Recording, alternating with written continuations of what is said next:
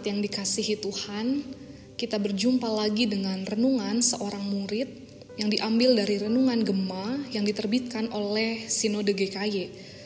Mari saudara sebelum kita merenungkan dan mendengarkan firman-Nya, kita berdoa meminta pimpinan Roh Kudus meneduhkan pikiran kita dan menenangkan jiwa kita. Mari kita berdoa. Bapak yang baik, terima kasih karena kami kembali diberikan kesempatan sekali lagi untuk berdiam dan bersekutu denganmu di dalam segala situasi dan kondisi hidup kami. Karena kami menyadari itulah yang menyenangkan hati Tuhan, supaya kami terus mengingat semua kebaikanmu ya Tuhan.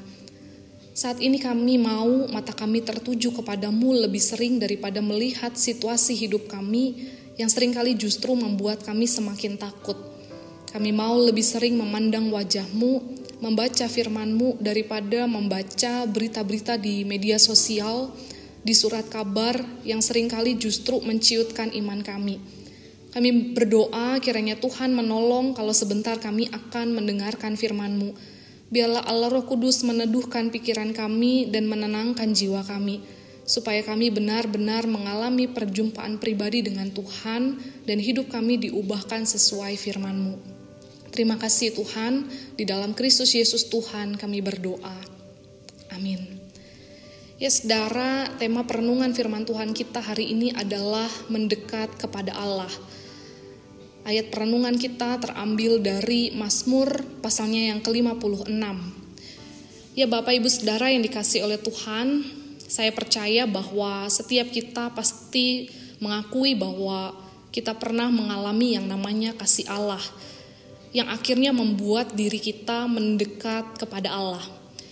Tetapi saya juga percaya bahwa ada di antara kita, atau malah mungkin kalau kita mau jujur, kita semua pernah mempertanyakan kasih Allah.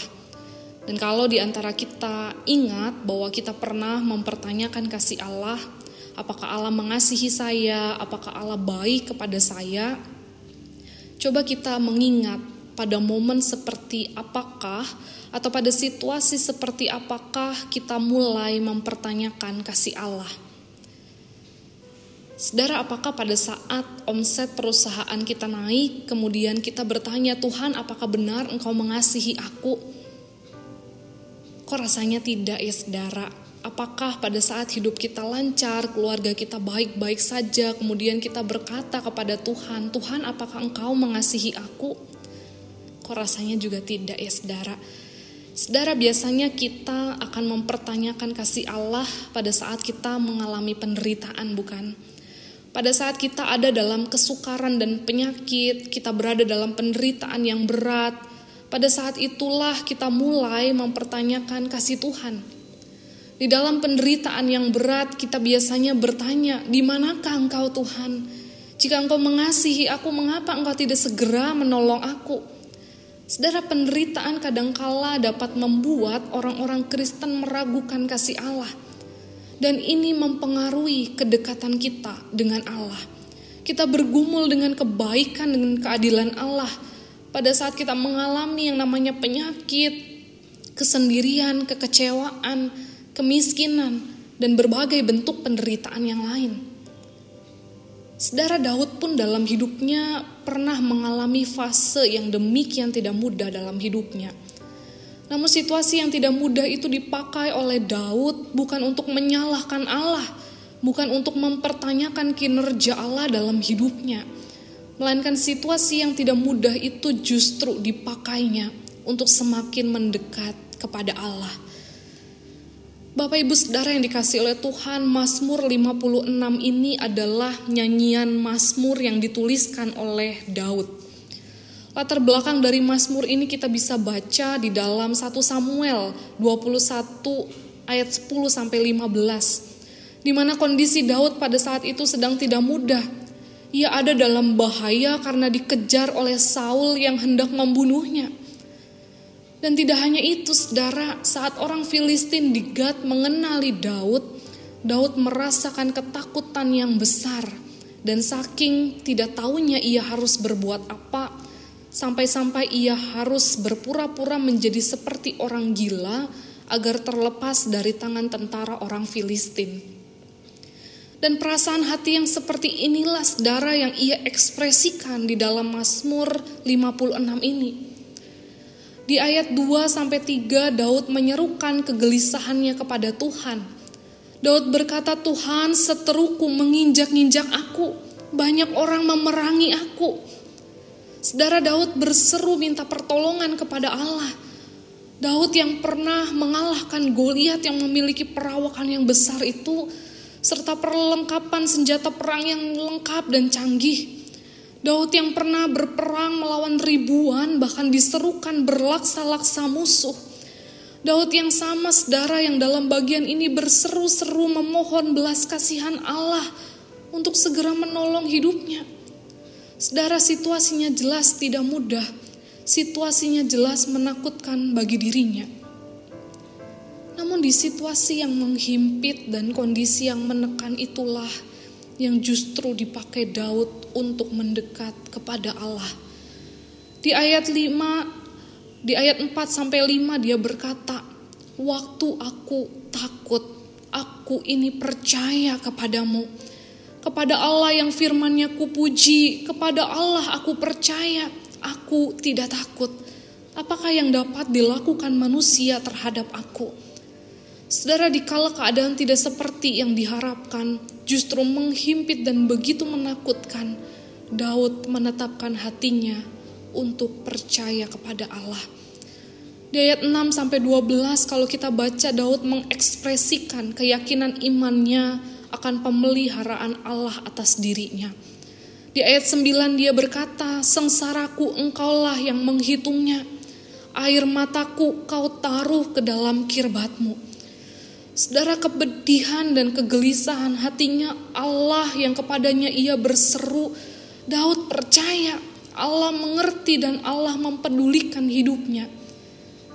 Maka sebagai respon akan keyakinannya ini di ayat 13 dan 14 Daud berkata, Nasarku kepadamu ya Allah akan kulaksanakan dan korban syukur akan kubayar kepadamu sebab engkau telah meluputkan aku daripada maut bahkan menjaga kakiku sehingga tidak tersandung, maka aku boleh berjalan di hadapan Allah dalam cahaya kehidupan. Saudara, bisakah kita seperti Daud yang justru di tengah himpitan dan ketakutan menaruh hati kita untuk mendekat dan tetap percaya kepadanya? Dapatkah kita di tengah segala kesulitan, kesakitan, kehilangan, kedukaan, dan segala penderitaan kita kita berkata kepada Allah, aku percaya, aku tidak takut. Saudara banyak orang hari ini memiliki konsep yang keliru tentang iman. Ada banyak orang berkata iman itu tentang perasaan, iman itu tentang keadaan. Tapi hari ini kita melihat dari Mazmur Daud ini, bukan berarti iman tidak bersangkut paut dengan perasaan, dengan kondisi, tetapi jika kita baru bisa percaya kepada Allah ketika kita mengalami kondisi tertentu, maka kita tidak memiliki iman yang sejati. Mengapa? Karena perasaan kita kadangkala ditentukan dari, dari nilai rupiah yang kita miliki, bukan? Jika iman kita tergantung keadaan, maka kita baru akan mendekat ketika perusahaan kita untung banyak, ketika keluarga kita baik-baik saja, bukan? Setelah melalui Mazmur Daud ini, kita belajar bahwa keadaan tidak akan menghancurkan iman kita. Justru keadaan adalah ekspresi iman yang sebenarnya. Situasi yang buruk, keadaan yang tidak seperti kita harapkan, justru akan memunculkan seberapa benar dan besarnya kualitas iman kita. Sedara tekanan dalam hidup tidak terelakkan, tetapi hidup dalam tekanan adalah pilihan jadi jangan berdoa untuk hidup tanpa tekanan, itu impossible.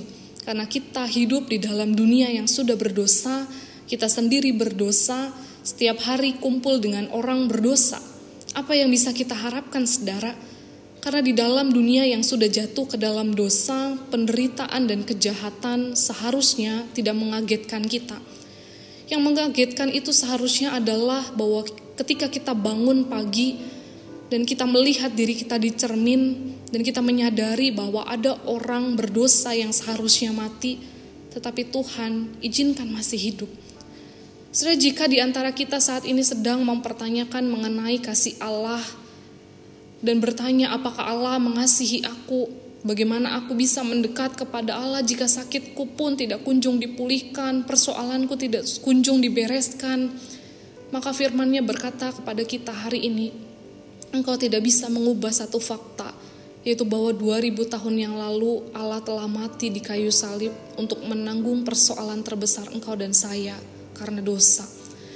Dan itu the greatest the ultimate manifestation the love of God for you. Apalagi yang tidak bisa Allah lakukan bagi kita sehingga membuat kita meragukan Dia. Saudara, apa pun keadaan kita sekarang, kita terpuruk, kita gagal, kita cemas, kita merasa hancur, bahkan mungkin orang lain menertawakan kita. Don't worry, karena at the end kita akan melihat bagaimana tangannya yang kuat berhasil menopang kita. Saudara, apa pun keadaan kita, bersyukurlah. Allah kita mengasihi kita lebih dari yang mampu kita bayangkan dan pikirkan.